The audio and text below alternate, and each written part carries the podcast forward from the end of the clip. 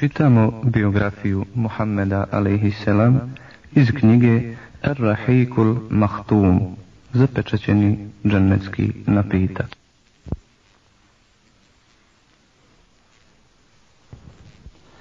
Da se Resulullah a.s. vrati u Medinu i da ove godine ne ulazi u Meku, a sljedeće godine da dođe s muslimanima i da provedu u njoj tri dana. Samo sa oružjem koje nosi putnik, a to je sablja u koricama. Kurejše im za to vrijeme ne smiju praviti nikakve smetnje. Obustavljanje neprijateljskog djelovanja između dvije strane za period od deset godina. U tom vremenu, dok traje primirje, ljudi će se bezbjedno kretati, a oni će jedni druge štititi. Ko od plemena želi da stupi u savez sa Muhammedom i da poštuje ovaj ugovor, može to da učini. A ko to isto želi sa Kurešijama, neka to učini. Svako takvo pleme smatraće se kao dio tog naroda. Svako neprijateljstvo prema savezniku smatraće se neprijateljstvo sa tom skupinom. Ako neko od Kurešija prebjegne Muhammedu bez dozvole svog starješine, on će im ga vratiti u Meku. A ako neko od Muhammedovi dođe Kurejšijama, to jest ako pobjegne kod njih, oni mu ga neće izručiti. Kad je primirje sklopljeno, pleme Huzat pristupi u savez sa Resulullahom a.s., a pleme Benu Bekr uđe u savez sa Kurešijama.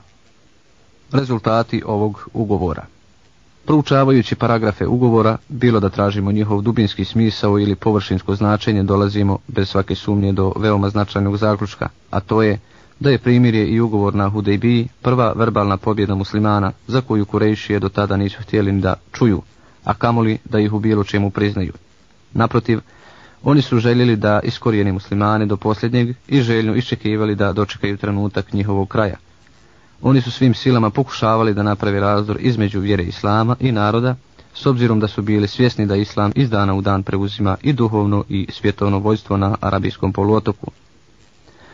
Činjenica je da i sam pristanak Kurešija na ponuđeno primirje znači priznavanje jedne nove snage na tim prostorima, snage muslimana, te da Kurešije nisu u moći da ratuju s njima.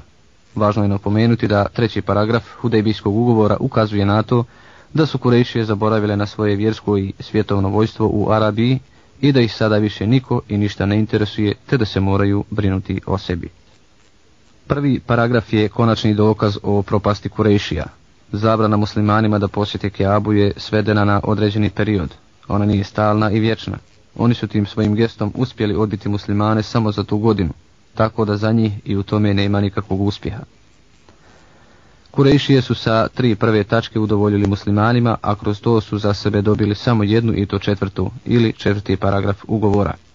Međutim, i to je vrlo jeftin dobitak. U njemu nema ništa što bi naškodilo muslimanima, Poznato je da neko ko je musliman neće napustiti, odnosno pobjeći od Allaha i njegovog Resula, alaihi selam, niti će pobjeći iz islamske sredine, osim ako se odmetne od vjere, javno ili tajno. A ako se odmetne od vjere, onda on i nije više potreban muslimanima. Njegovo udaljavanje iz islamskog društva je mnogo vrijednije od njegovog ostanka u njemu. Na ovo je mislio Resulullah a.s. kad je rekao, onaj ko od nas ode njima, njega je Allah udaljio a onaj ko primi islam od stanovnika Mekke i pored toga što mu je iseljenje u Medinu zabranjeno, nije mu zabranjeno iseljenje u druga mjesta. Allahova zemlja je prostrana. Zar nije Abesinija bila prostrana za muslimane, kada stanovnici Medine nisu znali o islamu ništa? Resulullah a.s. je upravo i mislio na ovu soluciju, kada je rekao, ko nama dođe od njih, Allah će za njega naći olakšanje i rješenje. Zaštita suvereniteta na ovakav način, iako predstavlja vid kurešijske moći i slave, u stvari proizilazi iz velike njihove uznemirenosti, nesigurnosti i velikog straha za njihovo mnogobožačko bivstvovanje. Oni kao da su znali da su danas više nego ikad do tada na rubu provalije, kada ne imaju drugog izbora, već da prihvate ovakvu zaštitu suvereniteta. Resulullahovo alaihisselam uvažavanje da se oni koji od muslimana prebjegnu Kurejšama ne mogu više vratiti nazad je samo još jedan dokaz da se on pouzda u čvrstinu svog egzistiranja, svoje snage i cjelokupnog povjerenja i stoga se nimalo ne boji za primirje ovakvog uvjeta. A početkom sedme godine po Hidži, a nakon ovog primirja, pređe na islam Amr bin el As, zatim Halid bin el Velid i Osman bin Talha. Kada su došli kod Resulullah a.s. on reče, Mekka nam je poklonila komad svoje džigerice a Osman bin Talha je bio ključar Kabe. Bismillahirrahmanirrahim. Novo razdoblje u historiji Islama. Primirje na Hudejbi je bilo početak jednog novog razdoblja u životu muslimana i u okviru samog Islama u Arabiji. Kurešije su bile najjača snaga, najuporniji i najdjelotvorniji neprijatelji Islama. Silaskom Kurešija sratne pozornice zbivanja u sigurnosne vode mira slomljen je najjačiji od tri udružena neprijatelja, Kurešije, Gatafan i Jevreji. Pošto su Kurešije bile predstavnici idolopoklonika, to jest njihovi lideri na arabijskom poluotoku, to je, te je s prethodnim događajima opao njihov idolopoklonički zanos za vjerske obrede i uveliko je ohladila njihova neprijateljska naklonost prema muslimanima. Stoga ne nailazimo kod Gatafana na veliku provokaciju muslimana poslije ovog primirja. Međutim, ono što je i dolazilo od njih bilo je inicirano i preprimano kod jevreja. Jevreji su nakon izgnanstva iz Jesriba, odnosno Medine, uzeli Hajber za svoj centar, gdje su nastavili kovanje svojih podlih fitneluka, smicalica. Oni su huškali beduine oko Medine na muslimane, a životna želja im je bila ubiti Muhammed a.s. i dokrajčiti muslimane. Ako im ne bude pošlo za rukom, onda je trebalo bar što više zla im nanijeti. Zbog svega toga prvi odlučujući korak od strane Resulullah a.s. nakon primirja na Hudejbiji je bio borba protiv ovog jevrejskog legla. Međutim, ovaj period koji je započeo poslije primirja na Hudejbiji bio je velika prilika za tumačenje i dostavljanje Islama i njegovog učenja. Udvostručila se aktivnost muslimana na ovom polju, pa je prevazišla vojne aktivnosti. Stoga, ovaj period možemo podijeliti na dva dijela. Prvi, aktivnosti na području dostavljanja i tumačenja vjere ili period dopisivanja sa kraljevima i vladarima i drugi, period vojnih aktivnosti. Prije nego nastavimo s praćenjem vojnih aktivnosti u ovom periodu, posvetit ćemo veću pažnju međusobnom dopisivanju Resulullah a.s. sa vladarima i kraljevina. U korespondenciji im nudi islamsko učenje zbog kojeg su muslimani inače pretrpili sve dotadašnje patnje, bol, nesreću, smicalice, licemjerstvo, bitke i ratove. Krajem šeste godine po Hidžri, kada se Resulullah a.s. vratio sa Hudejbije, napisao je kraljevima poruku kojom ih poziva u islam. Kada je donio odluku za pisanje, rekoše mu, oni ne primaju nikakvu korespondenciju bez pečata. Resulullah a.s. uze srebrni prsten i na njega ugravira Muhammed Resulullah. Ovaj pečat je ugraviran u tri reda. U prvi red Muhammed, u drugi Resul, a u treći Allah ali su se redovi čitali od ozdo na gore. Allah, Resul, Muhammed. Resulullah, alaihisselam, izabra među ashabima najučenije i najsposobnije ljude da budu njegovi ambasadori preko kojih će komunicirati sa kraljevima. Profesor El Allama El Mensur Fevri je ustanovio da je Resulullah alaihisselam poslao sve svoje delegate u osvit mjeseca Muharrema sedme godine po Hidži prije odlaska u Hajber na nekoliko dana. Prvo pismo je upućeno Negusu, kralju Abesinije. Pravo ime Negusa, Neđašije je Ashamet bin el Ebđer.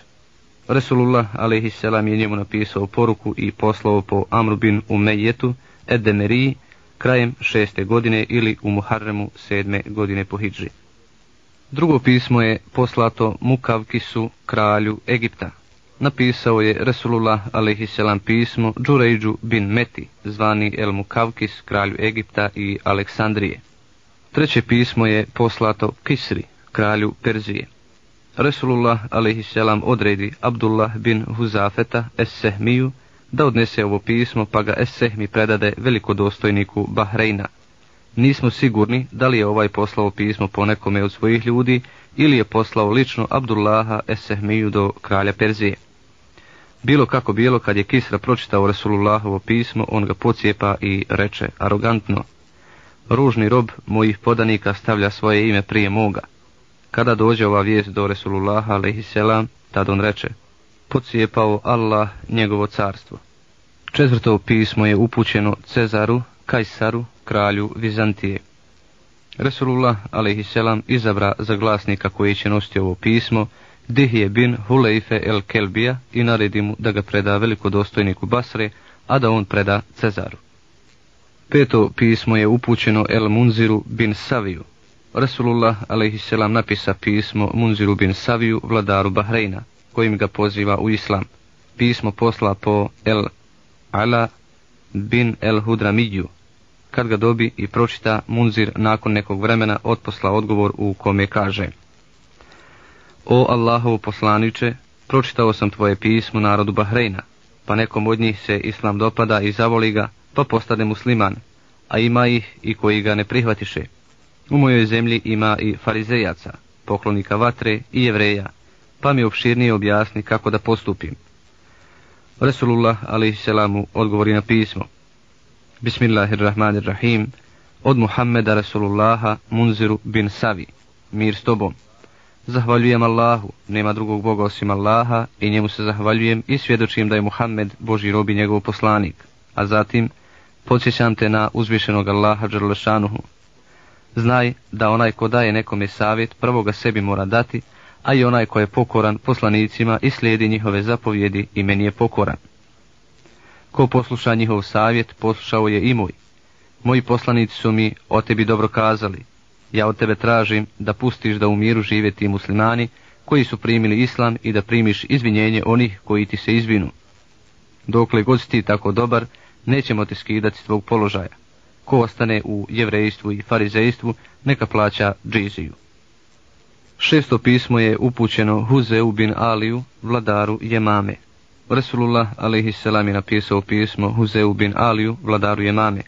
Bismillahirrahmanirrahim od Muhammeda, Allahovog poslanika, Huzeu bin Aliju, neka je mir na onoga koji slijedi Allahovu uputu, ja znam da će se moja vjera pojaviti u cijelom svijetu, stoga primi islam, bit ćeš spašen i ostaćeš da vladaš gdje i jesi. Resulullah a.s. predade pismo Sulejtu bin Amru el Amiriju, pa kada on dođe Huzetu, predade mu zapečećeno pismo, pozdravi ga i pročita mu poruku. Huze odgovori Resulullahu a.s. sljedećim riječima. Kako je lijepo i divno čemu me pozivaš.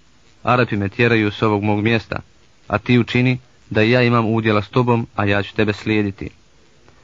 Huze nagradi Sulejta novčano i darovao mu skupu cijenu odjeću, pa sa svim tim dođe kod Resulullaha a.s. i obavijesti ga.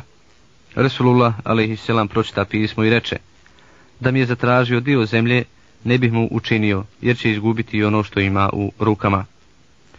Kada se Resulullah a.s. vratio iz pohoda za oslobođenje Mekke, Džibril a.s. mu je donio vijest da je Huze umro. Resulullah a.s. reče, u jemami će se pojaviti čovjek koji će se lažno predstaviti da je poslanik, bit će ubijen poslije moje smrti, a neko od prisutnih povika. O Allahu poslaniče, ko će ga ubiti? Resulullah a.s. reče, ti i tvoji drugovi pa na kraju tako i bi. Sedmo pismo je upućeno Harisu bin Ebi Šemer el Gasani, vladaru Damaska. Resulullah a.s. napisa pismo Harisu. Bismillahirrahmanirrahim. Od Muhammeda Resulullaha Harisu bin Ebi Šemeru, neka je mir na onoga koji slijedi Allahovu uputu, koji ga vjeruje i koji istinu govori. Ja te pozivam da vjeruješ u Allaha, da mu druga božanstva ravnim ne smatraš, ostaćeš da vladaš svojim prijestoljem. Resulullah odabra da pismo nosi Šuđa bin Vehb iz Beni Esed bin Huzeimet. Kada je Haris dobio pismo, zavika, ko to može meni oduzeti prijestolje moje? Ići ću ja da vidim njega. On nije primio islam. I osmo pismo je upućeno kralju Amana. Resulullah a.s. napisa pismo kralju Amana, Džajferu i njegovom bratu Abdu ibn el Dželendiju sljedećeg sadržaja. Bismillahirrahmanirrahim. Od Muhammeda bin Abdullaha, Džajferu i Abdu ibn el Dželendiju. Neka je mir na onoga koji slijedi Allahovu uputu. A zatim, ja pozivam vas dvojicu islamsko vjeri. Primite islam, bit ćete spašeni. Ja sam zaista Allahov poslanik, cijelom čovječanstvu da opomenem one koji imaju pameti i da zasluže kaznu nevjernici. Ako vi budete ustrajni i postojani u islamu, dobit ćete vlast. A ako odbijete, vlast ćete izgubiti. Konji će kročiti na vašu površinu, a moje predskazanje će se obistiniti nad vašom vladanvinom. Resulullah pozva Amr bin el As radijallahu anhu po njemu da pošalje pismo. S ovim pismima Resulullah a.s. je dostavio vjeru islam većini znamenitih vladara tog doba. Među njima ima onih koji su primili islam, a i onih koji su ostali u nevjerstvu. Međutim, bitno je da su oni počeli razmišljati o Muhammedu a.s. i o islamu. Bismillahirrahmanirrahim. Bitka za Hajber i Vadil Kura. Mjesec Muharrem, sedme godine po Hidži. Hajber je bio veliki utvrđeni grad sa prostranim pašnjacima na udaljenosti od oko 70 do 80 milja sjeverno od Medine. Danas je to selo sa nešto teškom i nezdravom klimom. Kada se Resulullah a.s. obezbijedio i osigurao od jednog od tri udružena neprijatelja i to najopasnijeg nakon primjeri na Hudejbiji, želio je da se obračuna sa dva preostala neprijatelja i to jevrejima i arapskim plemenima Nežda. To je bilo nužno radi uspostavljanja mira i sigurnosti na cijeloj Arabiji. Tek tada bi muslimani nakon dugih i teških godina ratovanja imali prilike da se posvete proučavanju i dostavljanju Allahove objave.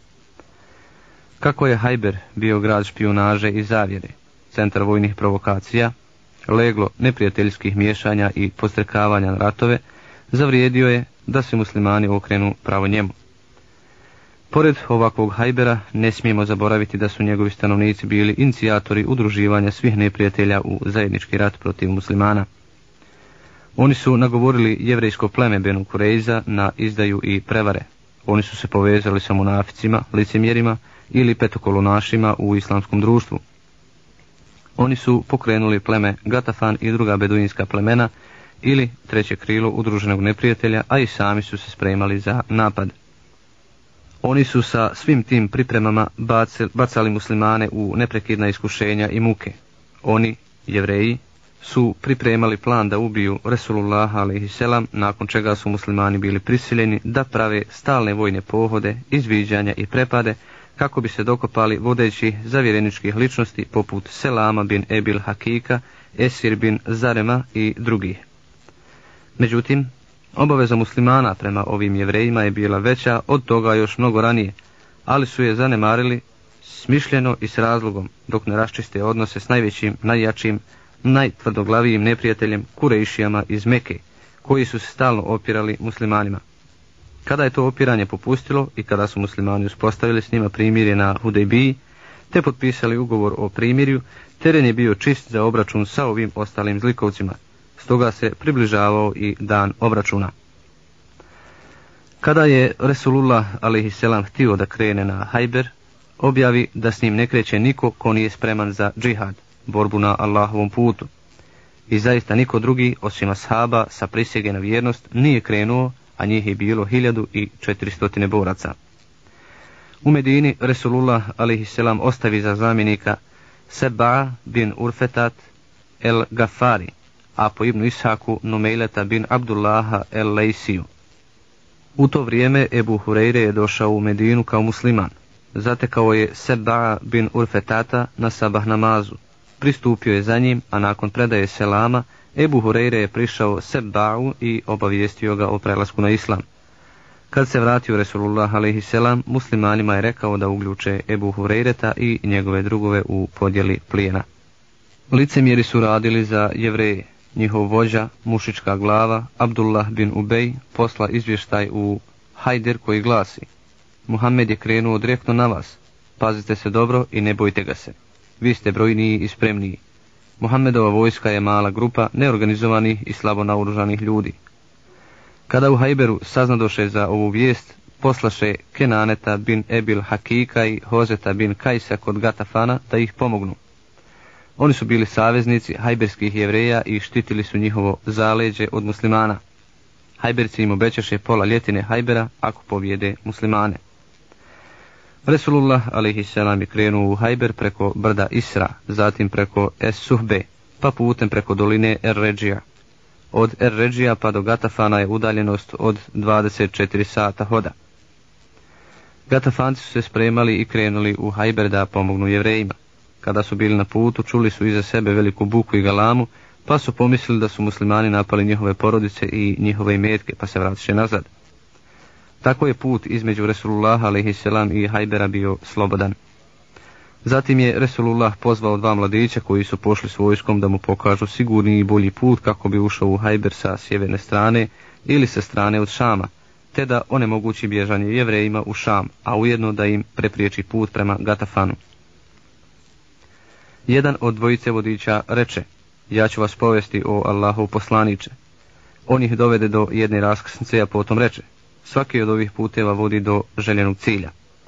Resulullah a.s. mu naredi da kaže ime svakog puta. On reče, jedan se zove Huzn, drugi Šaš, treći Hatib, a četvrti Huseil. Resulullah a.s. ne htjede krenuti ni jednim od ovih puteva. Ostao je samo još jedan pravac, pa Omer radijallahu anhu upita, a kako se zove ovaj put? Vodič odgovori, Merhab, te Resulullah a.s. odabra da idu tim putem. Muslimani su prespavali posljednju noć u oči bitke blizu Hajbera, a da ih jevreji nisu primijetili. Resulullah a.s. je imao običaj da kada dođe na večer blizu neprijatelja, ne napada dok ne svane. Kada je osvanulo jutro, klanjao je sabah namaz pred zoru, a onda su uzehali i krenuli. Stanovnici Hajbera su izašli sa lopatama i korpama na svoje imanja, a da nisu ništa primijetili. Kada su ugledali vojsku, rekoše, Mohamed, tako nam Boga, Mohamed i vojska. Resulullah a.s. izabra za vojni logor jedno mjesto blizu zidina grada. U tomu dođe Habab bin el Munzir i reče, o Allahu poslaniće, da li ti Allah Đalešanuhu naredio da se tu ulogorimo ili je to po tvom ratnom planu? Resulullah a.s. odgovori, to je moj izbor. Habab mu reče, Allahu poslaniće, ovo mjesto je veoma blizu zidina Hajbera. Svi hajberski borci će biti tu. Oni znaju naše stanje, a mi ne znamo njihovo. Njihove strijele će dolijetati do nas, a naše neće moći do njih. Ne možeš biti siguran od njih noću, a ovo drugo mjesto je između palmi kamuflirano. Mogu se razapeti šatori. Ako narediš da promijenimo mjesto, neka to bude ovo, tu da se ulogorimo.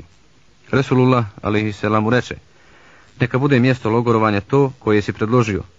Poslije toga su premjestili mjesto logorovanja. Kada su se približili Hajberu i kada su ga ugledali, Resulullah a.s. reče, stanite, kad vojska stade, Resulullah alaihisselam povika. O Allahu, gospodaru sedam nebesa i prostora kojeg pokrivaju, gospodaru sedam zemalja i onoga što one obuhvaćaju, i gospodaru šeitana i onih koje oni dovode u zabludu. Mi te molimo za dobro od ovog naselja i dobro od ovog naroda i dobro od onoga što u njemu ima. A utječem ti se od zla ovog naselja i zla njegovih stanovnika i zla onoga što u njemu ima. Zatim reče, krenite u ime Allaha. Hajber je bio podijeljen na dva dijela. Svaki dio je imao svoje utvrđenja. Prva utvrda je Naim, druga utvrda Esad bin Muaz, treća utvrda Kalatu Zubeir, četvrta utvrda Ebi, peta utvrda Ennezar. Prve tri utvrde nalaze se u području koje se zove En-Netat, a dvije posljednje u području Ešekku. Drugi dio grada poznat je pod nazivom El Kutejbet. On je imao tri utvrde. Prva utvrda El Kamus. To je bilo utvrđenje Benu Ebil Hukajk iz plemena Benu En Nadira. Druga utvrda je El Vetih i treća utvrda je Es Sulalem. U Hajberu je bilo i drugih tvrđava i kula osim ovih osam, ali su bile male i nisu imale značajniju stratešku ulogu kao ove. Bitka je vođena u prvoj polovini Hajbera, koja je imala pet utvrda, a druga polovina grada i pored velikog broja njihovih ratnika predala se bez borbe. Bismillahirrahmanirrahim. Početak bitke i zauzimanje utvrde Naim. Utvrda Naim je bila prva koju su muslimani od ukupno osam napali. Jevreji su strateški bili jači i prvi njihov potez je bio odbrambenog karaktera. Ovom utvrdom je vladao i upravljao Murehab, jevrejski junak koji se smatrao ravnim hiljadu boraca. Alija bin Ebi Talib radijallahu anhu poveo je muslimane na ovo utvrđenje i pozvao jevreje u islam. Oni odbiše ovaj poziv i izađuše pred muslimane na čelu sa svojim vladarom Murehabom. Kada se dvije vojske poredaše za sukob, pozvaše junake na dvoboj. Selema bin El Ekvea kaže, pred nas je izašao njihov vladar Murehab, vitlajući sabljom i govoreći, Cio Hajber zna da sam Murehab ja. Ne žalim se na oružje, sposoban sam i junak znaje. kad ratovi otpočnu, raspalim i ja. U istom ritmu odgovori mu moj Amidža Amir. Cio Hajber zna da sam Amir ja, ne žalim se na oružje, pustolov sam, znaje. Njih dvojica povedoše dvoboj. Izmijeniše par udaraca, te Murehabova sablja se zabude u Amirov štit. Moj Amidža Amir krenu na njega, a sablja mu je bila pokratka, pa dohvati nogu ovom jevreju da ga udari. Sablja se odbio od Murehabovu nogu, vrati se nazad i udari mog Amidžu direktno u vrat. Od tog udarca pade mrtav.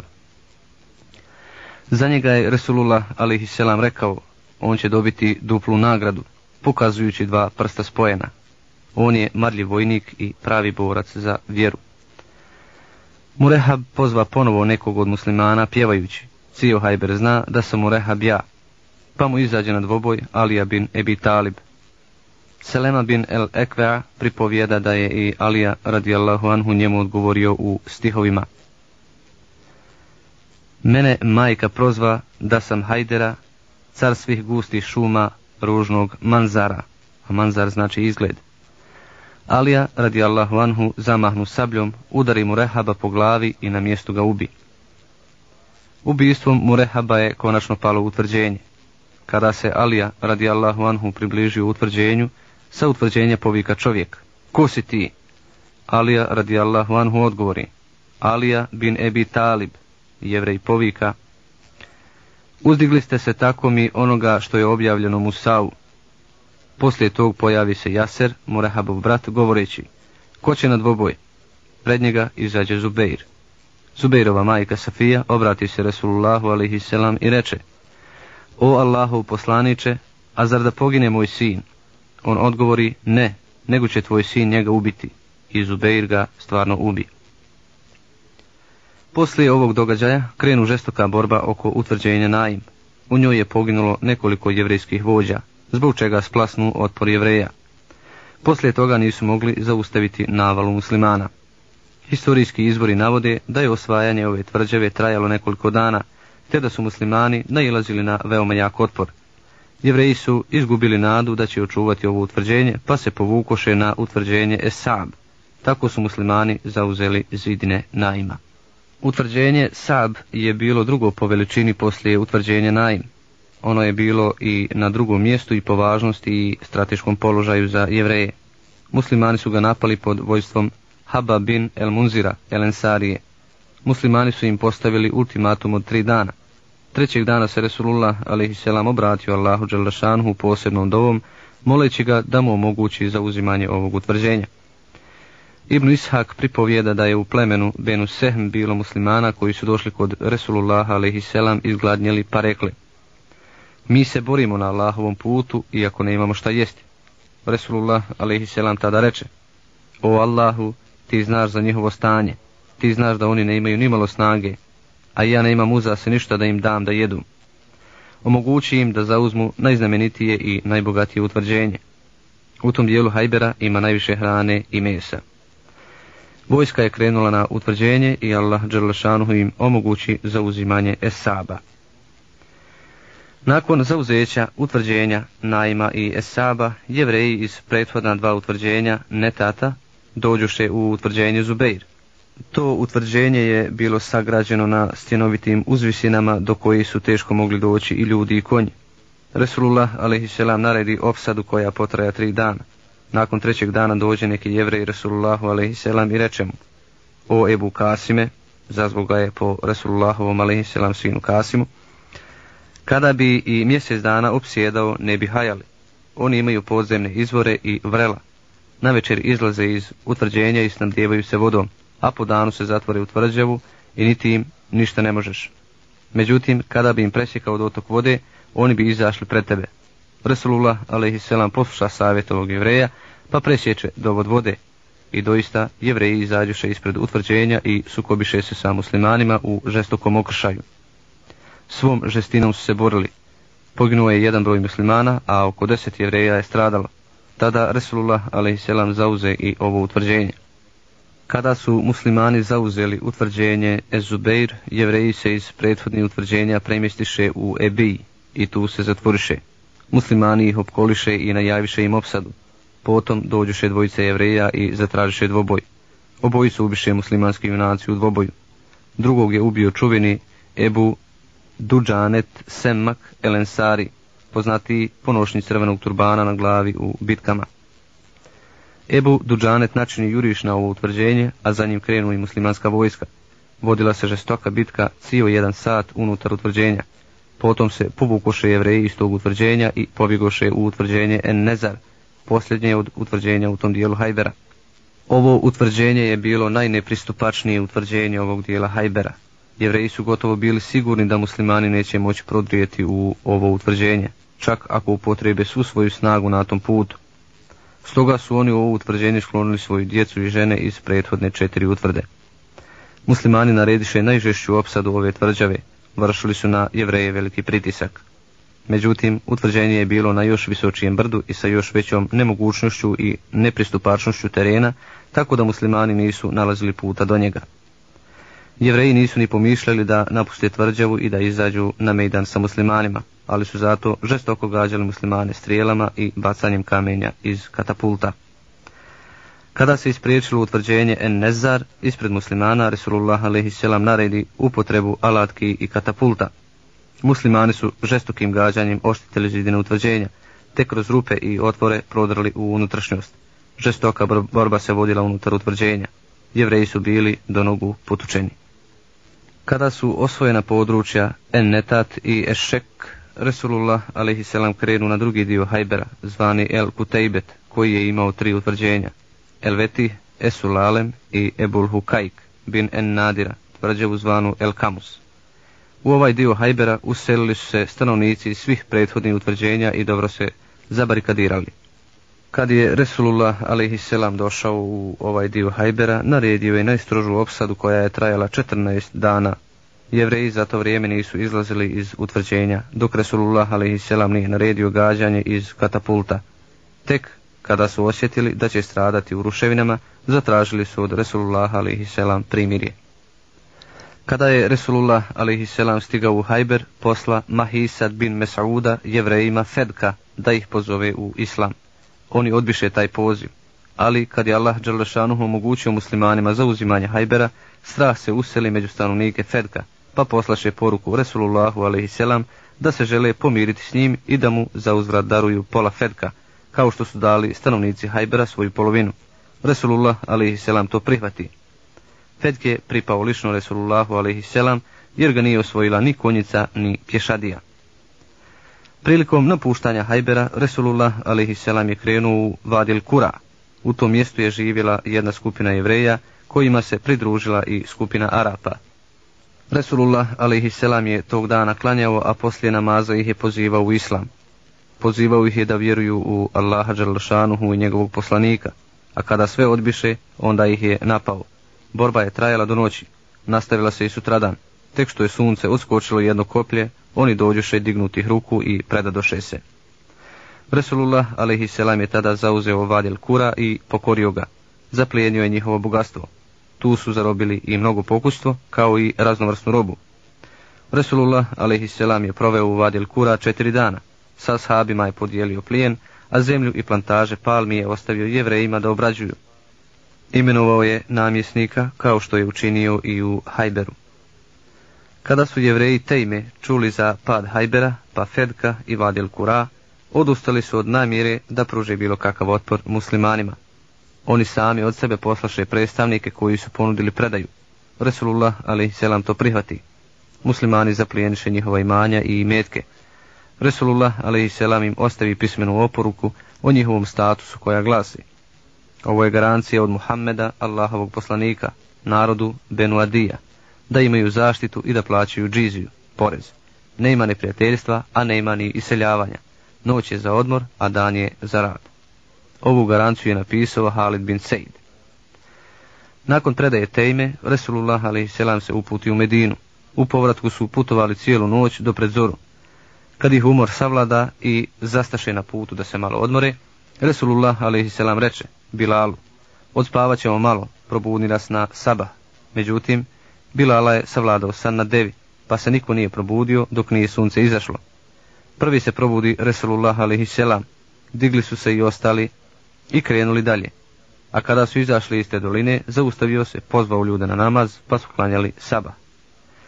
Nakon analize svih bitaka sa jevrejima, dolazimo do podataka da se Resulullah a.s. vratio u Medinu krajem Safera ili početkom Rebiul Evela sedme godine po Hidži. Bismillahirrahmanirrahim. Ostali pohodi i bitke sedme hidžetske godine. Pohod za Terrika i nakon što je Resulullah a.s. slomio dva opasna neprijateljska krila, Kurešije i Jevreje, ostalo mu je treće krilo kome se mogao posvetiti u potpunosti. To su bili opasni beduini arabljani koji su krstarili neždom i koji su vršili gusarske pljačkaše pohode s vremena na vrijeme. Teško je bilo poduzeti neku ozbiljnu akciju protiv ovih beduina kad oni nisu imali svoje stalne zemlje ni svog stalnog mjesta za boravak.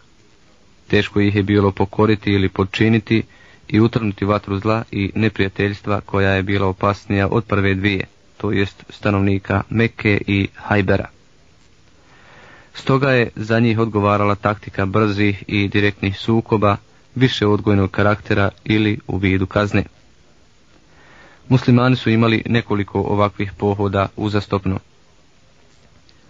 Zbog zadavanja bola muslimanima ili zbog pristajanja beduina da se udruže sa ostala dva neprijatelja, Resulullah alihi selam krenu u pohod da opomene, opameti, a ako treba i kazni beduine. Taj pohod je bio pod imenom bitka za Terrikai. Veliki broj historičara navodi da je ovaj pohod bio četvrte godine po Hidži, ali podaci Ebu Musa, El Ešarije i Ebu Hurejreta radijallahu anhu ukazuju da je Zatur Rikai bio poslije Hajbera, a mišljenja smo da je bilo u mjesecu Rebiul Evvelu sedme godine po Hidži. Resulullah alaihisselam je putovao i duboko prodirao u njihovu zemlju. Kada je došao do mjesta koje se zove Nahla, na dva dana hoda od Medine, susreo je skupinju Gatafana. Tu su postigli saglasnost pa do sukoba nije došlo.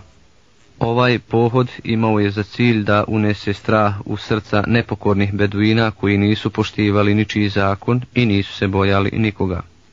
Proučavajući ove pohode nakon prethodnih bitaka primjećujemo da ova plemena Gatafana su uveliko smanjila svoja gusarska dejstva i uveliko se primirila.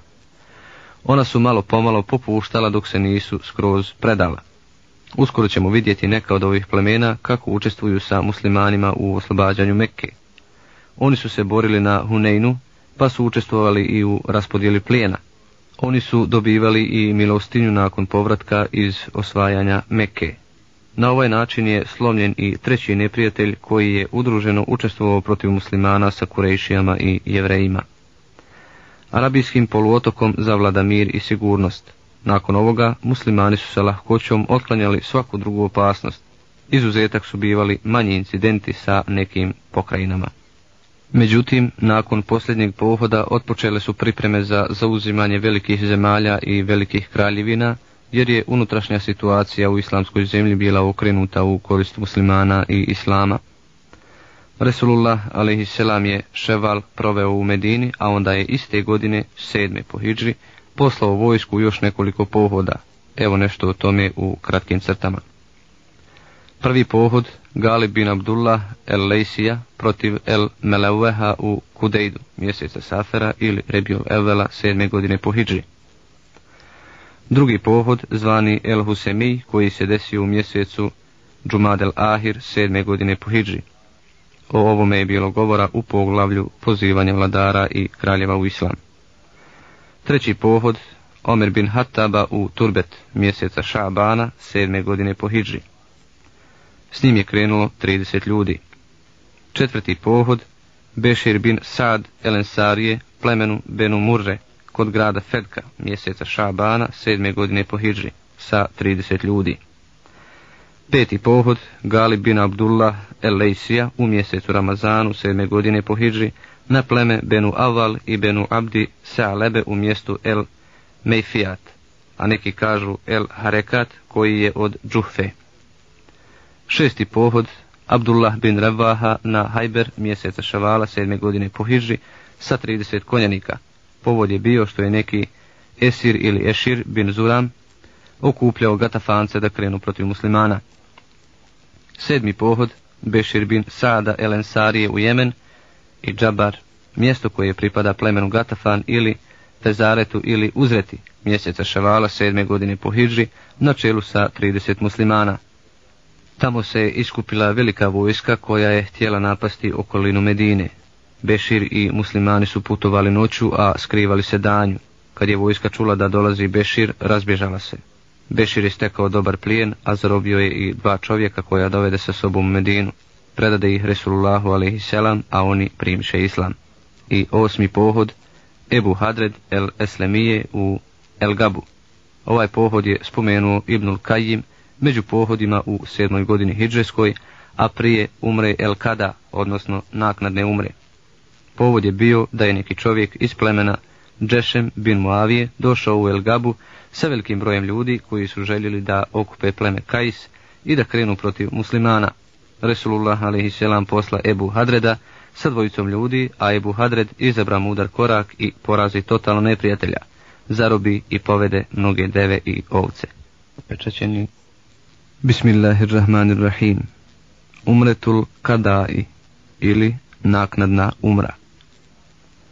Pripovjeda Hakim.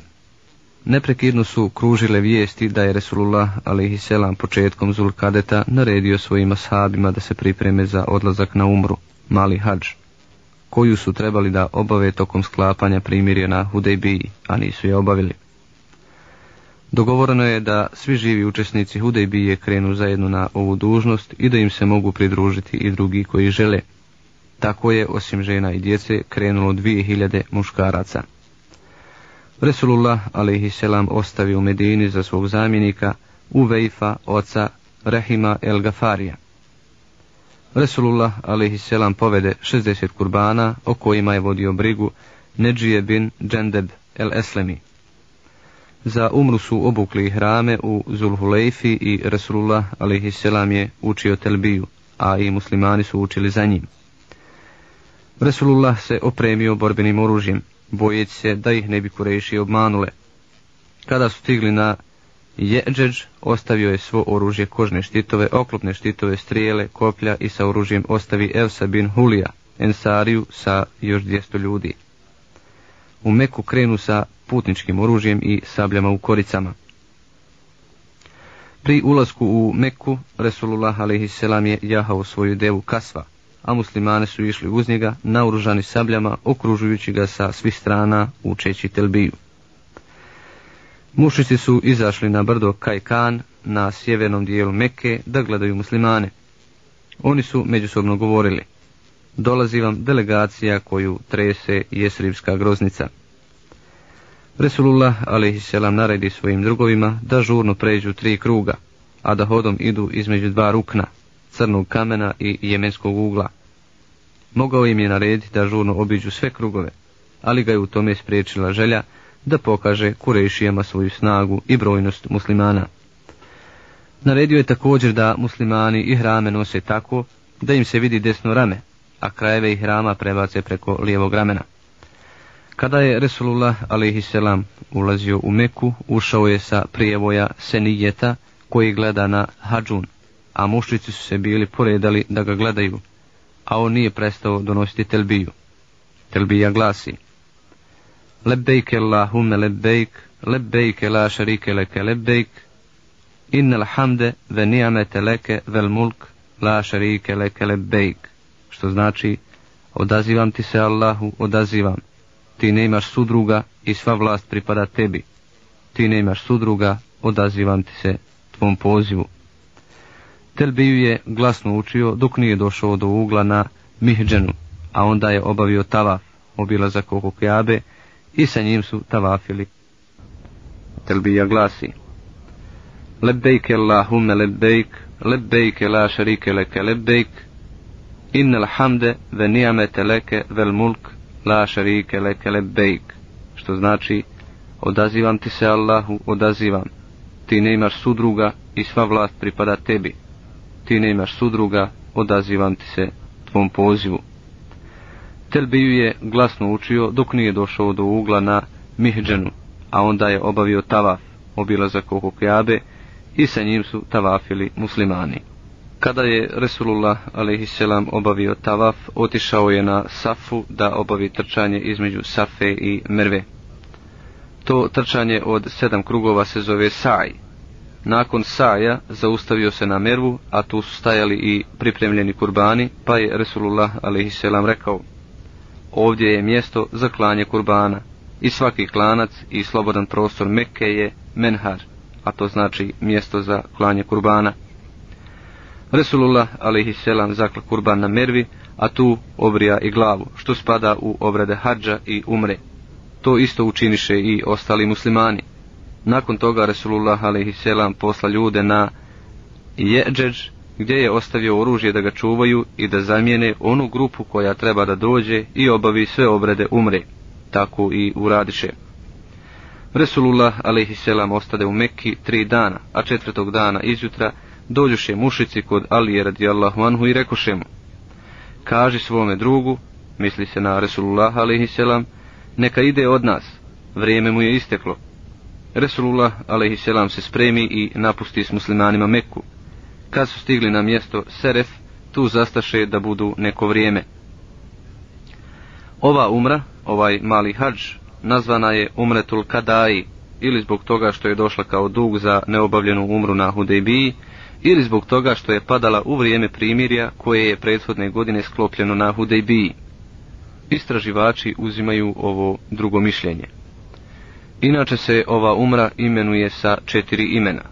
Umretul Kada, Umretul Kadijet, Umretul Kasas i Umretul Sulh.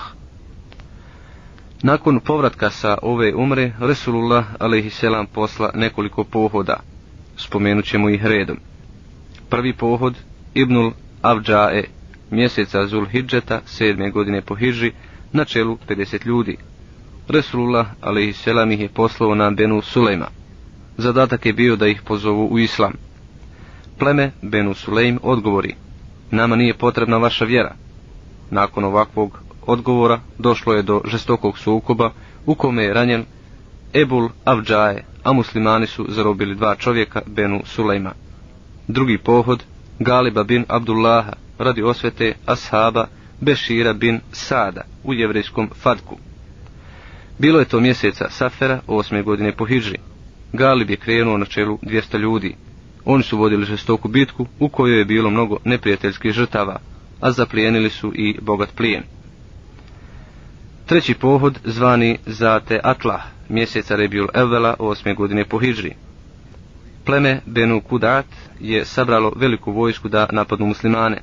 Kada je to saznao Resulullah a.s. posla Kjab bin Umneira Elensariju sa 15 ljudi. Oni sretoše neprijatelja i pozvaše ljude u islam, a ovi se ne odazvaše, već zasuše muslimane strijelama i sve ih poubiješe, osim jednog čovjeka koji je bio ranjen i ostao živ među ubijenima. I četvrti pohod, zvani Zate Irk, na pleme Benu Hevazin, mjeseca Rebjul Evela, osme godine po Hidži. Benu Havazin su stalno produžavali svoje neprijateljstvo i ispoljavali ga veoma često, tako da Resulullah a.s. posla Šuđa bin Vehba el Esedija sa 15 ljudi. Oni zarobiše i povedoše bogat plijen, a da nisu imali nikakvih neprilika. Bismillahirrahmanirrahim. Bitka na Mu'ti.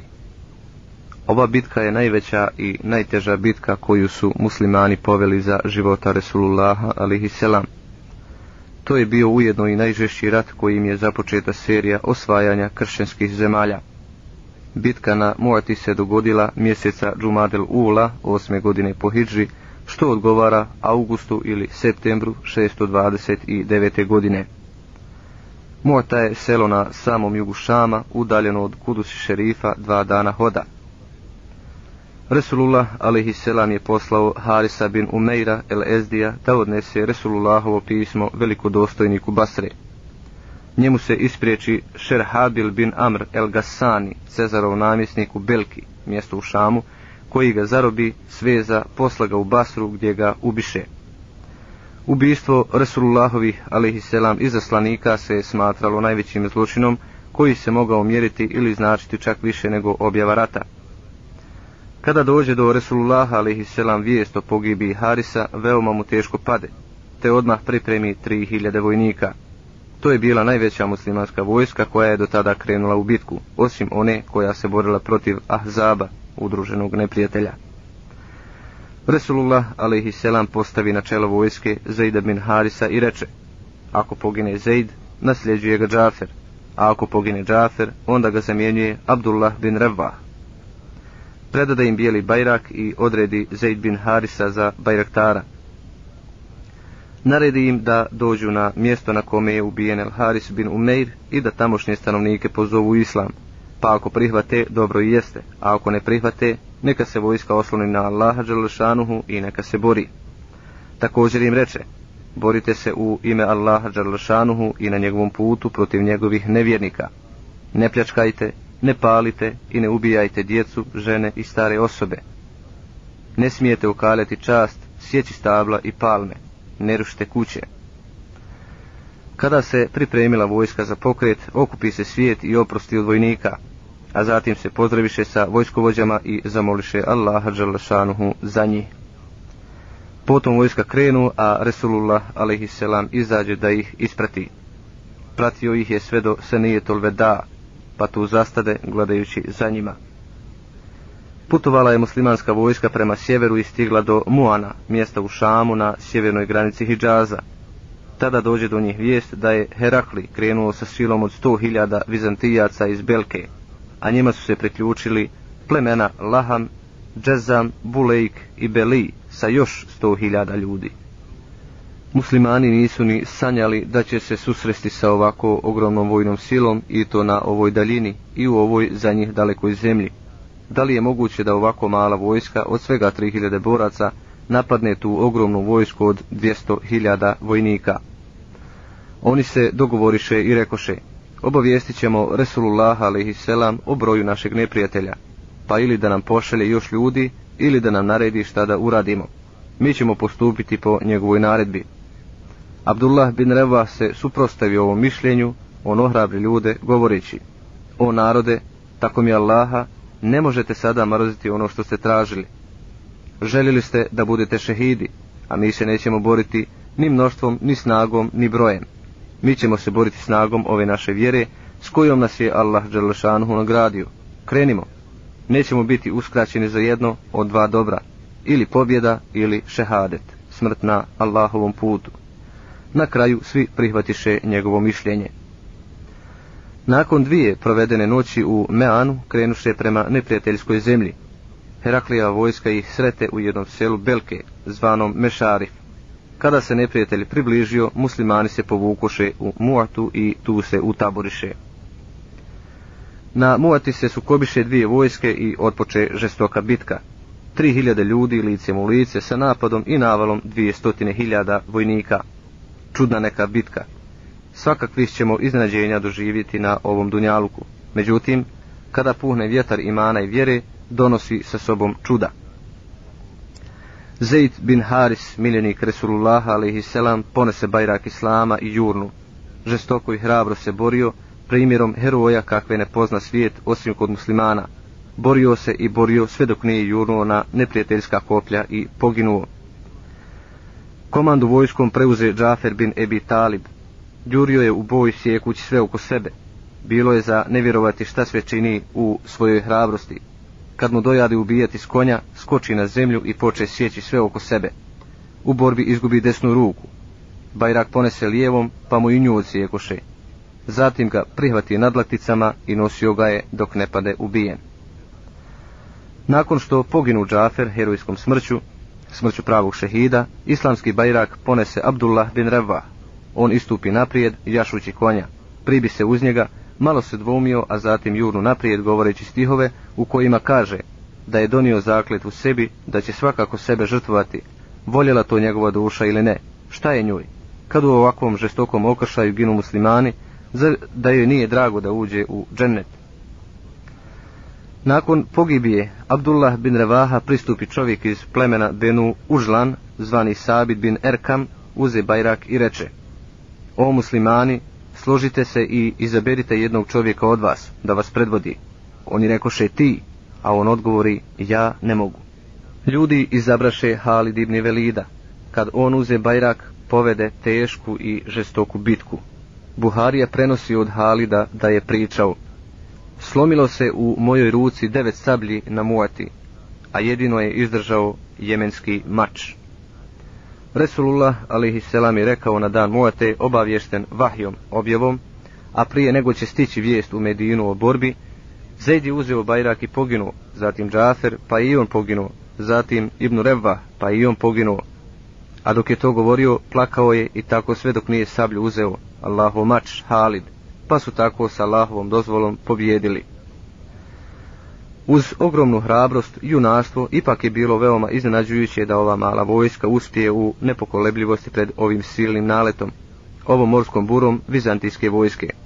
Tada je Halid bin Velid pokazao svu svoju vještinu i zrelost da spasi ostale muslimane iz ovoga u što su sami sebe uvukli.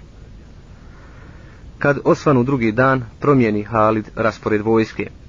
Prethodnicu postavi u pozadinu, a potom promijeni bokove, pa desno krilo stavi na lijevo, a lijevo na desno. Neprijatelj je to posmatrao. Gledao je kako se muslimanska vojska uskomešala, pa je pomislio da im je došlo pojačanje. Oni se preplašiše, a Halid, nakon jednosadnog odmjeravanja, poče polako da se povlači nazad, vodeći računa da se raspored vojske ne poremeti. Bizantici su pomisli da im muslimani spremaju neku prevaru i da će upotrebiti neke ratne varke. Iz bojazni da ih muslimanska vojska ne bi zavukla u mrtvu pustinju, oni odustaše od bitke. Tako se neprijatelj povuče u svoju zemlju i nije ni pomišljao o potjeri za muslimanima muslimani se pak sretno povukoše i vratiše u Medinu. U bitki na Muati je poginulo ukupno 12 muslimana, a ne zna se kolika je na vizantijskoj strani, izuzev što nam historija pripovjeda da ih je dosta poginulo tog dana. Važno je napomenuti da muslimani u ovoj bitki nisu ostvarili zatatak zbog kojeg su otišli, a to je da osvete ubijenog Rasulullahovog alaihisselam izaslanika Harisa bin Umeira, kojeg su ubili vizantijci u Basri. Međutim, ova bitka imala je ogroman značaj na propagandnom polju jer je ugled muslimana probio granice Arabije. Svi su Arapi na prvom mjestu bili začuđeni i iznenađeni vješću o muslimanskom pohodu na najveću svjetsku silu tog doba na zemaljskoj kugli. Zbog svega toga vidimo svadljiva arapska plemena koja su do ove bitke stalno napadala muslimane, da odjednom bivaju naklonjena islamu.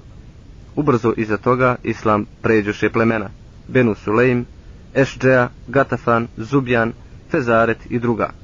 Ova bitka na Muati bila je samo odskočna daska za konačan obračun sa Vizantijom.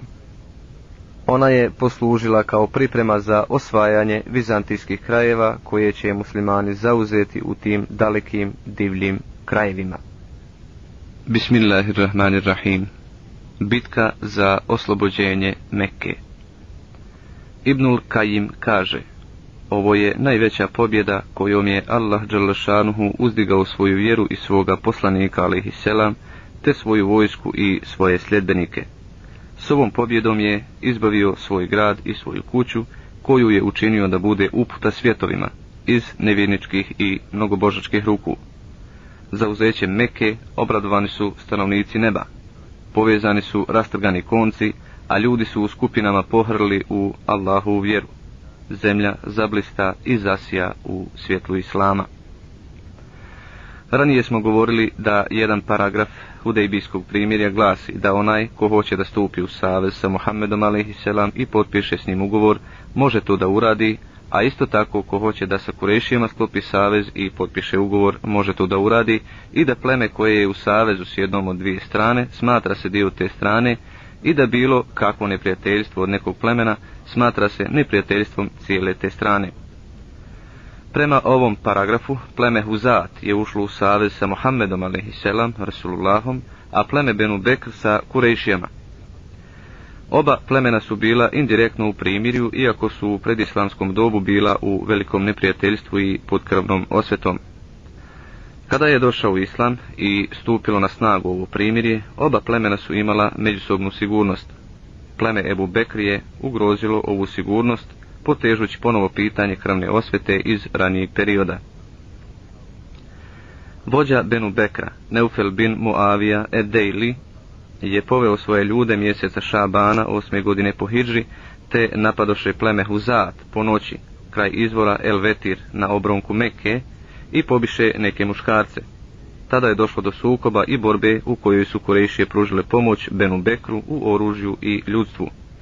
Kurejšije su se borile na strani Benu Bekra, koristeći tamu noći.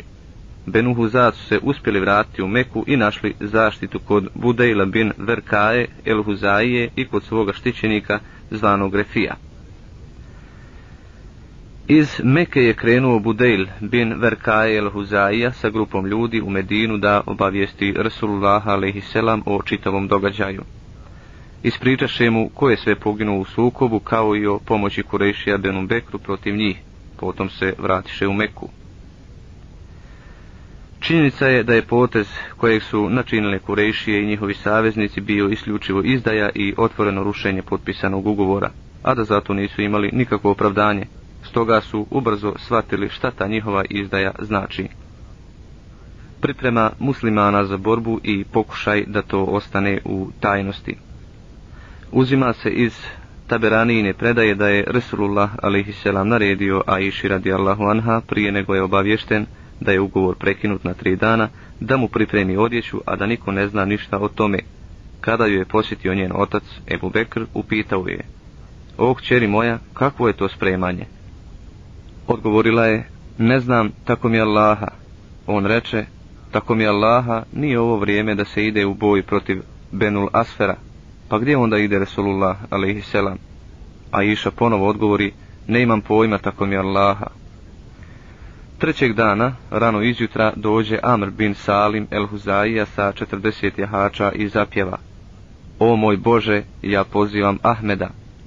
Pa ljudi shvatiše da je ugovor prekinut. Poslije Amra dođe Budejl, pa je Sufjan i muslimanima bi jasno da je vijest istinita. Tada im Resulullah a.s. naredi da se pripreme i obavijesti ih da ide u Meku. On se obrati Allahu Đalešanhu dovom.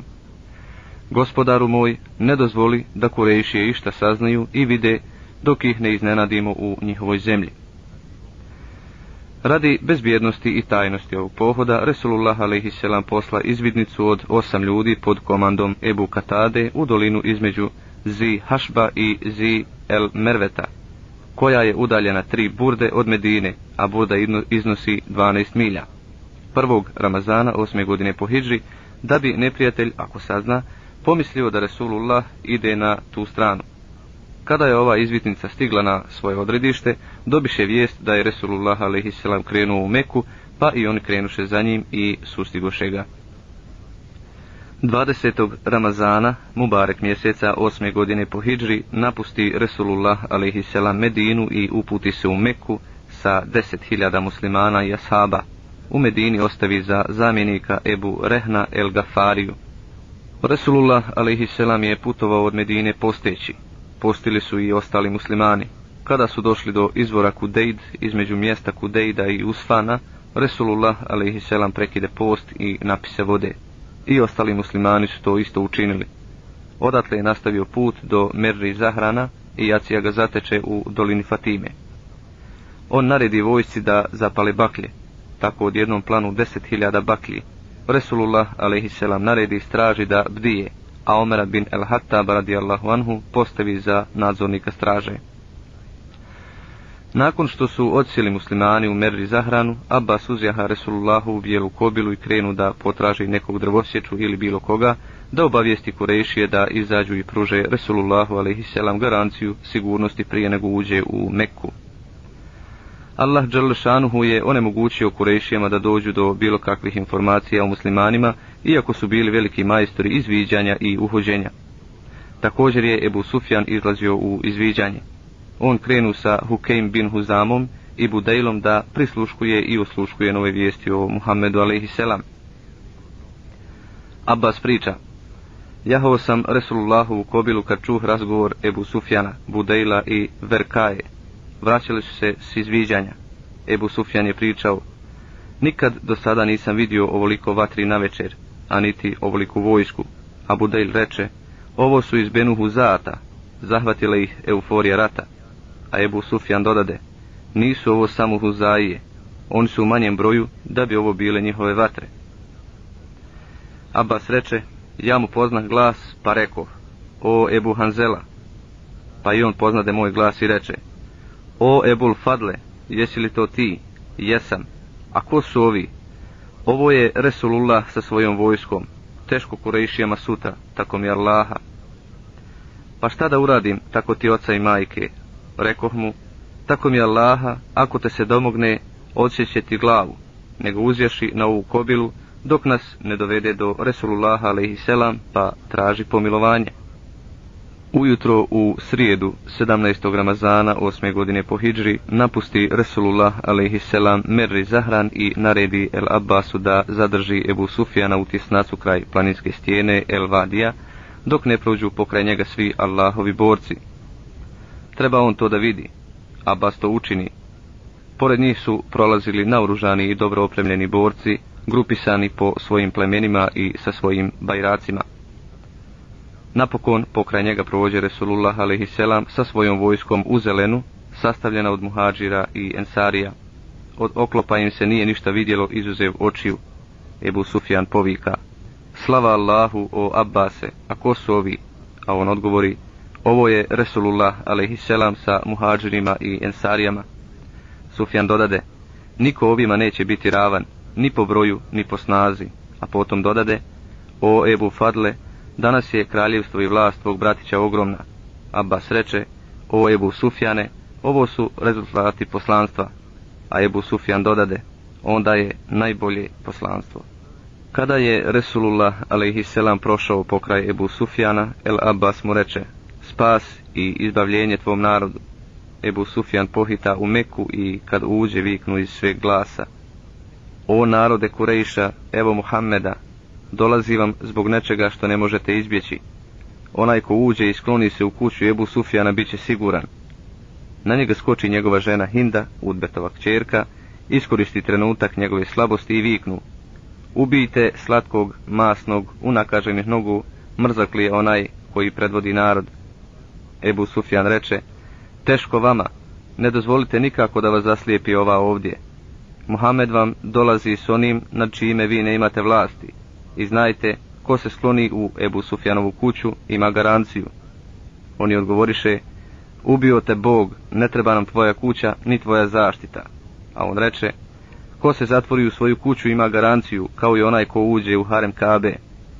Ljudi se raziđuše po svojim kućama i u harem Kabe. Oni sakupiše ološ Mekke i rekoše, ove ćemo isturiti naprijed, pa ako krene u našu korist, priključit ćemo im se, a ako oni stradaju, prihvatit ćemo šta nam se nudi. Resulullah alaihisselam je nastavljao svoj put, predavši se potpuno i skrušeno Allahu Đerlešanuhu, zadovoljan što je baš njega počastio da oslobodi Meku. Od te poniznosti brada mu je gotovo dodirivala jahalicu. Na zi Tuvau je izvršio raspored vojske. Halid bin Velida je postavio na desno krilo, a uz njega je postavio Eslema, Sulejma, Gafara, Huzeineta, Džuhejna, a iza njih arapska plemena. On naredi Halidu da uđe u Meku s donje strane i reče, Ako vam se ispriječi neko od Kurešija, žestoko ih napadnite i protirajte prema Safi, gdje ćemo ih mi dočekati. Lijevo krilo je predvodio Zubeir bin El Avvam, koji je nosio Resulullahov alaihisselam bajrak. Njemu naredi da uđe s gornje strane Meke ili od Keda, i da zabode svoj bajrak u El Hadžun i da ne mrda s tog mjesta dok mu ne dođe Resulullah sa svojom vojskom. Ebu Bejde je komandovao pješadijom koja nije imala naoružanja, pa je Resulullah a.s. naredio da se oni sklone u sred doline kako bi se mogli uputiti u Meku kad već tamo bude Resulullah a.s. Svaka vojna skupina muslimana krenula je u Meku putem kojim joj je Resulullah a.s. naredio. Halid bin El Velid i njegovi vojnici su krenuli naprijed i niko od mušika koji ih je u putu sreo nije ostao u životu. Što se tiče kurešijske ološi, njih je Halid zatekao na El Handemi, pa ih napao i ubio 12 mušrika.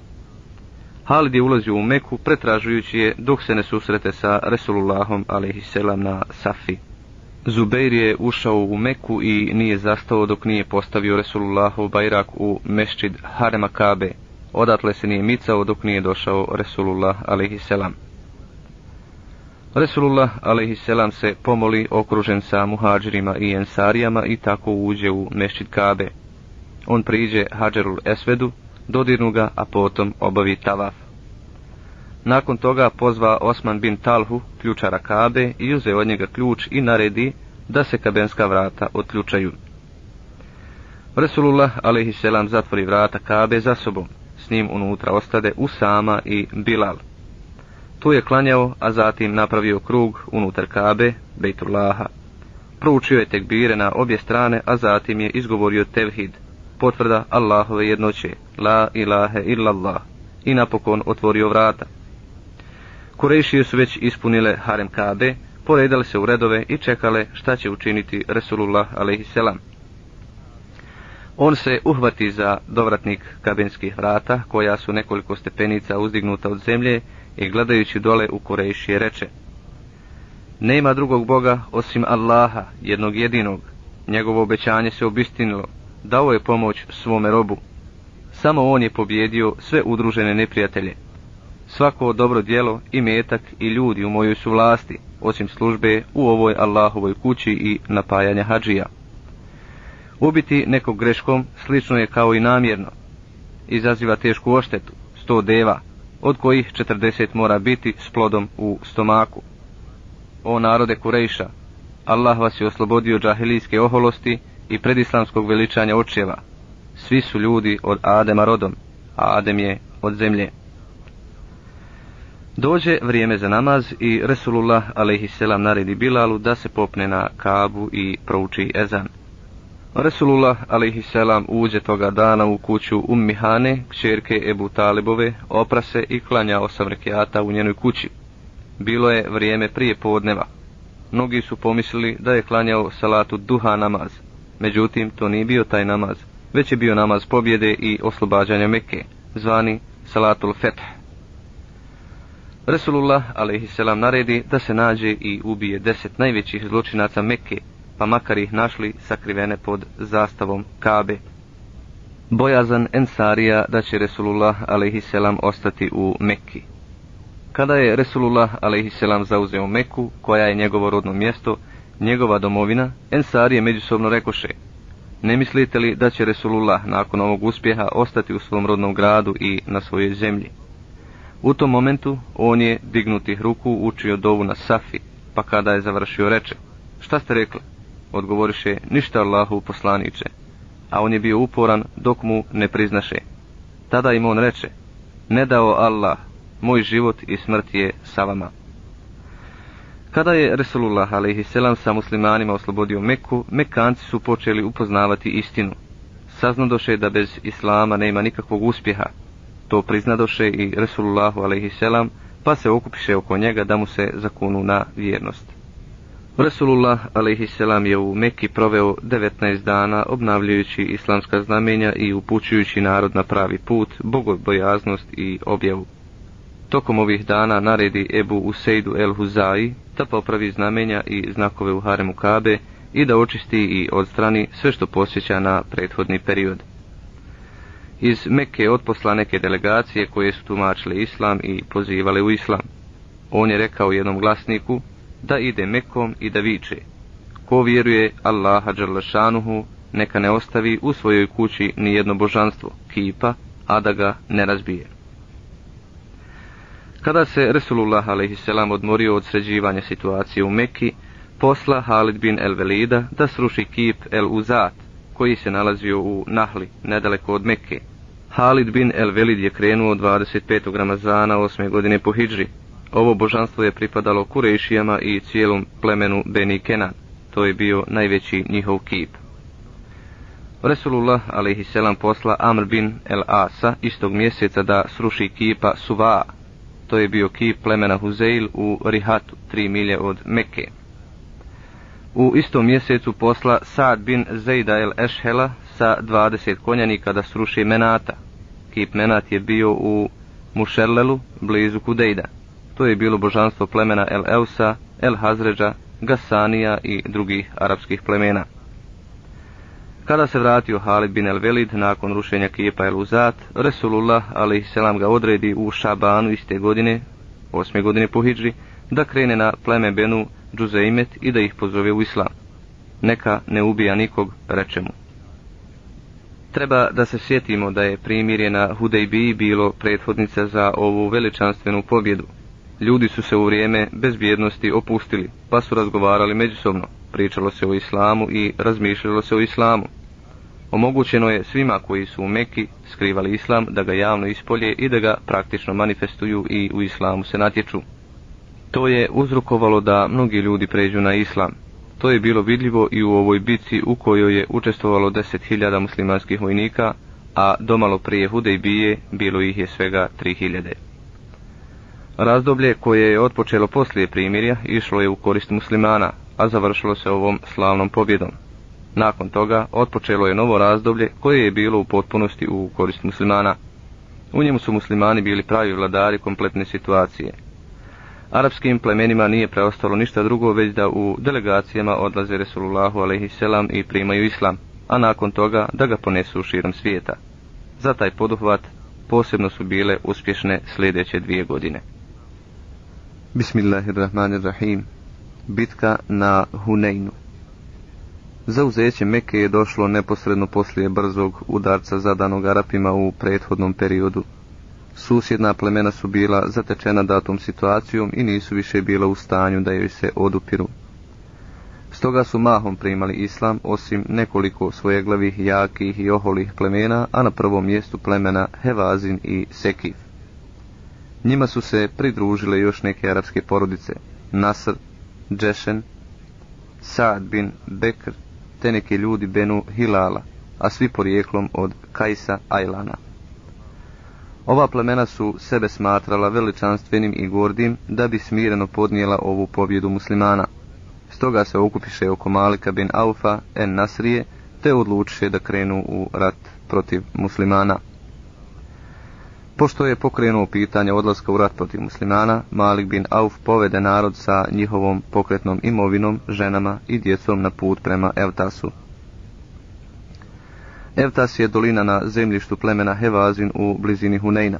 Međutim, dolina Evtas je sasvim druge prirode od doline Hunejna. Hunejn je u blizini Zil Međaza. Između Hunejna i Meke je preko 10 milja razdaljine i to na stranu od Arefata. Kada je Malik bin Auf stigao u Evtas, oko njega se skupiše sva plemena. Među ljudima od mudrosti bio je Dureid bin Esamt, starac koji nije imao drugog znanja osim znanja o ratovanju i teorijskog i praktičnog. Bio je izuzetno hrabar i oproban ratnik. Malik nije dozvolio da prođe Durejdovo mišljenje. Hevazin prihvatiše pokornost Maliku, a Dureid reče, ja neću doživjeti ishod svega toga, kamo sreće da sam mlađi. Malik je poslao ranije izviđače i špijune da što više saznaju o muslimanima. Kada se vratiše, vratiše se razjedinjeni i uplašeni, a Malik bin Auf im reče, teško vama ako ne nosite nikakve vijesti. Oni rekoše, vidjeli smo neke bijele ljude na crnobijelim konjima, tako nam Boga nismo smjeli ostati zajedno, pa nas nađe to što vidiš. Kada su vijesti o pokretu neprijatelja došle do Resulullah selam, on posla Ebu Hadreda el Eslemije i naredi mu da zađe među narod i da bude tamo jedno vrijeme dok ne pokupi informacije o namjerama neprijatelja. Zatim da mu se vrati sa vijestima. Ovaj to i učini. U subotu, 6. ševala, 8. godine po Hidži, Resulullah a.s. napusti Meku u kojoj je proboravio 18 dana. 19. dana on krenu sa 12.000 muslimana, 10.000 koji su sa njim došli u Meku i 2.000 kurešija. Većina kurešija su bili ljudi koji su nedavno primili islam. Resulullah posudi od Safan bin Umejeta 200 oklopa sa oružjem. U Meki je ostavio za nadzornika Itab bin u Sejda. Muslimanska vojska je stigla na Hunein u utorak na večer 20. ševala. Malik bin Auf je došao na Hunein pri Resulullah a.s. On je uveo svoju vojsku noću u klanac Huneyna, rasporedio zasjedu po prijelazima i skrivenim prolazima, uvalinama i gudurama i izda im naređenje da zaspu kišom strijela muslimane čim se pojave, a potom da navale svi kao jedan. Resulullah alaihisselam pripremi i rasporedi vojsku po noći, osigura prethodnicu i razdijeli ljudima bajrake. U sam osvi zore, još dok je bilo mračno, muslimani su bili spremni na Huneynu. Zaključiše da se spuste u dolinu. Muslimani nisu znali za raspoređenu neprijateljsku zasjedu u tjesnacima ovog klanca. I dok su se muslimani spuštali, zasu ih kiša strijela. Neprijateljska vojska navali svi kao jedan, a muslimani se počeše brzo povlačiti, jedan preko drugog. Izgledalo je da je poraz neizbježan, tako da Ebu Sufjan bin Harb, tek od skora musliman, reče Njihov poraz se neće završiti dok ih ne stjeramo u Crveno more. Tada viknu iz sve glasa Džebelet ili Kildet bin el Džunejd. Danas propade čarolija. Resulullah a.s. je ostao sam na desnoj strani. Počeo je vikati. Ljudi, dođite kod mene, ja sam Resulullah a.s. Ja sam Muhammed bin Abdullah. Uz njega je bio samo mali broj muhađira i ehli bejta, rodbine Resulullaha. U tom momentu Resulullah je ispolio takvu smjelost i hrabrost kakva se ne može ni zamisliti. Užurbano i neprekidno je usmjeravao svoju jahalicu prema nevjernicima govoreći Ja sam poslanik, a ne lažov, ja sam sin Abdul Mutalibov. Za svo to vrijeme Ebu Sufjan bin El Haris je držao uzde njegove kobile, a El Abbas za njegove uzengije, zaustavljajući ga da ne žuri. Resulullah a.s. nakon toga sjaha i zatraži pomoć od Allaha Đerlašanuhu govoreći Gospodaru moj, spusti svoju pomoć. Resulullah a.s. naredi svom amidži Abbasu koji je imao prodoran glas da pozove ashabe. Abbas priča, ja povikah najjačim glasom, gdje su tamnoputi ashabi, o tamnoputi ashabi, zatim reče, tako mi Allaha, tako sam im izazvao emocije kao kad otaljena krava muče za svojim teladima. Oni povikoše, o, odazivamo ti se, eto nas. Međutim, bilo je veoma teško doći do Resulullaha. Trebalo je vratiti razjarenu devu koja je išla u drugom smjeru. Čovjek pokuša da zaokrene svoju devu pa ne uspije. Zatim skine svoj oklop pa ju je njime udarao, ali bez rezultata. Zatim bi uzeo štit i sa isukanom sabljom bi se probijao javljajući se, eto nas. Oko Resulullaha alaihi selam se okupilo stotinu ljudi koji su dočekivali napad i borili se. Potom je poziv upućen Ensarijama. O Ensarije, a poslije nisu pozvani Benul Harisa bin El Hazređa. Odjednom su sa svih strana nagrnule muslimanske čete, jedna za drugom, isto onako kako su i napustile položaj. Dvije vojske su se žestoko sukobile. Resulullah alaihisselam pogleda na bojno polje. Bitka je bila u punom jeku. Resulullah alaihisselam reče Sada se rasplansala borba. Potom se sagnu, uze šaku prašine i baci je neprijatelju lice, a zatim reče Lica se izobličiše, a Allah Đelešanuhu nije stvorio nikoga, a da mu nije napunio oči prašinom iz te šake. Kazna ih je stigla, kraj im se nazirao. Bismillahirrahmanirrahim razbijanje neprijateljskog jedinstva i velika pobjeda muslimana u ovoj bitci. Nakon bacanja prašine neprijatelju u oči, za samo par sati neprijatelj totalno izgubi bitku. Samo u plemenu Sekif je poginulo oko 70 ljudi. Muslimani hitro potjeraše sve što je neprijatelj imao, i metak, oružje i karavanu. Ovo je taj preokret na koga Allah Đalešanuhu upućuje.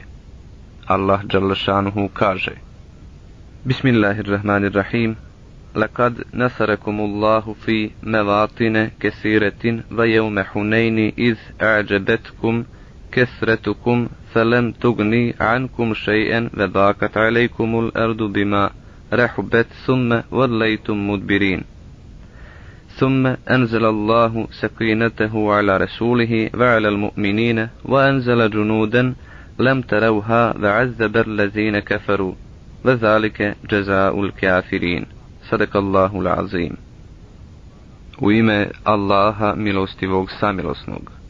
Allah vas je na mnogim bojištima pomogao, a i onoga dana na Huneinu, kad vas je mnoštvo vaše zanijelo, ali vam ono nije ni od kakve koristi bilo, nego vam je zemlja, koliko god da je bila prostrana, tijesna postala, pa ste se uvijek dali.